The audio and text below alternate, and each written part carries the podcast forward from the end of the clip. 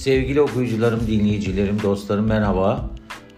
Bu hafta size yıl sonu veya yılbaşı itibariyle e, dünyanın e, nereye gidebileceğine dair bir analiz yazısı yazdım. E, keyifle ve ilgiyle okuyacağınızdan çok eminim. Teşekkür ederim. Dünya nereye gidiyor? Homo sapiens'in ortaya çıkışından itibaren 1 milyar insanın dünyayı doldurması yaklaşık 300 bin yıl aldı. O yıl morfinin keşfedildiği ve Beethoven'ın Viyana'da 3. senfonisini ilk kez icra ettiği 1804 yılı civarındaydı. Barack Obama'nın Amerika başkanlığının ilk döneminde dünya nüfusu 7 milyar idi.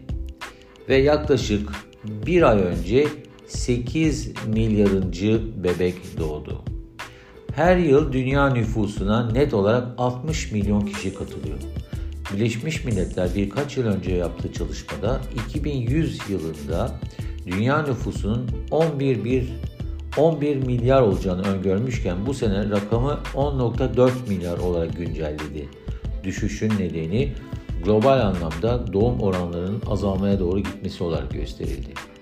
Yine de dünya kaynaklarının bu kalabalığı kaldırabilecek kadar sonsuz olup olmadığını bilemiyoruz. Dünyanın geleceği bağlamında öngörülebilir tek parametrenin nüfus olduğunu sağlamak pekala da mümkün. Zira savaşların devam edip etmeyeceğini veya ne kadar tahripkar bir derece olacağını bilemiyoruz.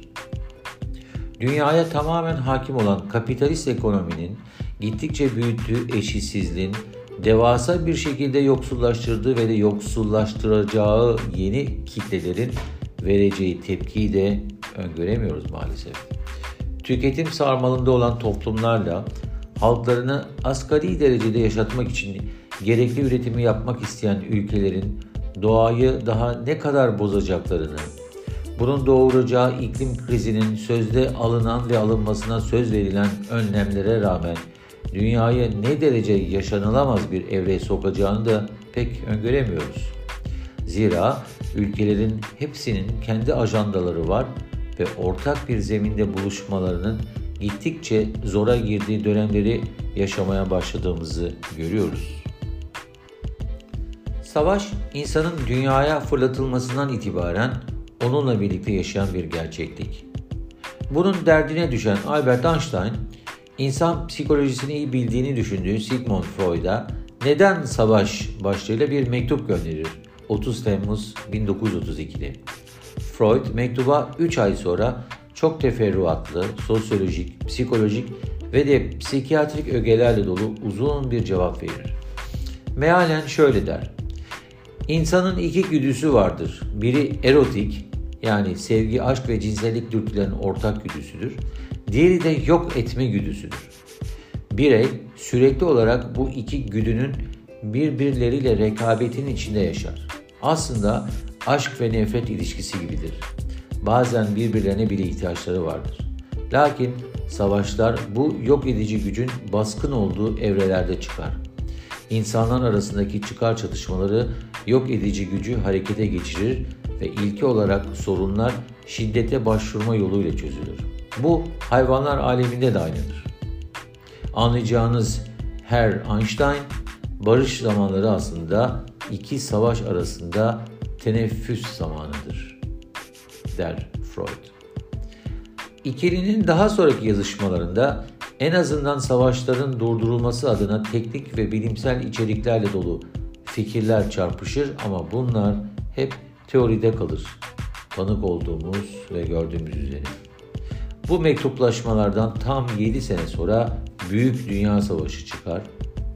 Sonra bir teneffüs zamanına gireriz. 1990'da ise Berlin Duvarı'nın yıkılması başta siyaset bilimci Francis Fukuyama'yı bile yanıltacak gelişmeleri tetikler.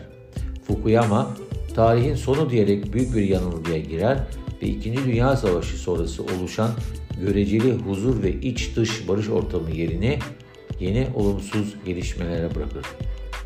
Son 30 yılda Türkiye etrafı coğrafyada yaşanan ve kimisi hala devam eden savaşları hatırlayalım.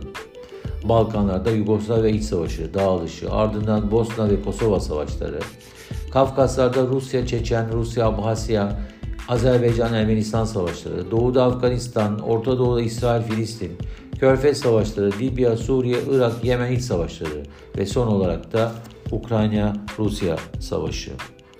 Freud yine haklı çıkar. Çıkar çatışmaları barışı değil, savaşı getirecektir. Liderlerin yok edici dürtülerinin tetiklemesiyle. Savaşların dünyanın geleceğinde her daim arzı endam edeceği belli olmuştur artık. Einstein'ın bu noktada yaptığı bir saptamaya kulak vermekte fayda var. Şöyle demişti.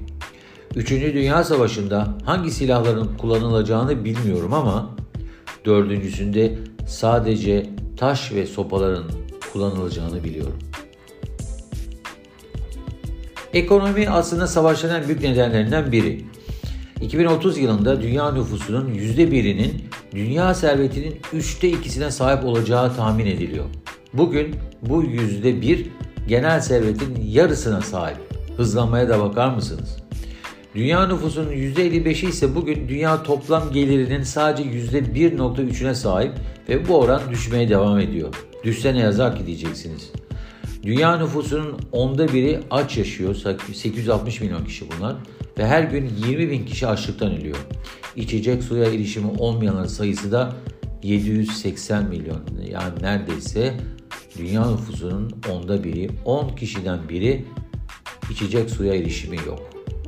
1990'lardan itibaren küreselleşme yani ulus devletlerin yerine küresel kurumların hakimiyeti dediğimiz süreç ve dönem belki herkese bilgi ve hizmetleri demokratik hale getirmiş olsa da eşitsizliği artırdı ve gelir adaletsizliğini büyüttü. Sermaye ve para akan çeşmenin başında olanlar paraya çok daha kolay erişti ve bu bir avuç azınlık devasa bir şekilde zenginleşirken artık fazla artmayan pastadan pay alamayan yığınlar yoksullaşmaya devam etti. Ünlü Fransız ekonomist Thomas Piketty yıllardır kamuoyunu uyararak bunun sürdürülebilir bir ekonomi modeli olamayacağını, önlem alınmazsa hep beraber duvara toslayacağımızı haykırıyor. Zenginlerin sahip olduğu sermaye ve varlıklarının büyüme oranının ülkelerinin büyüme oranlarını geçtikçe zenginin daha zengin, ulusların yani halkların daha yoksul olacağını sağlıyor çok haklı olarak. Ve bunun için radikal bir öneride bulunuyor. Bu bir avuç zenginden servet vergisi alarak eşitsizliği bir nebze azaltmayı hedefliyor. Vahşi kapitalizm sistemi Piketty'yi dinleyecek mi bilinmiyor ama öyle veya böyle radikal önlemler alınmazsa Jean-Jacques Rousseau'nun o meşhum sözünü hatırlamadan edemeyeceğiz. Ne demişti Jean-Jacques Rousseau? Yoksullar yemek de bulamayacakları zaman zenginleri yiyecekler.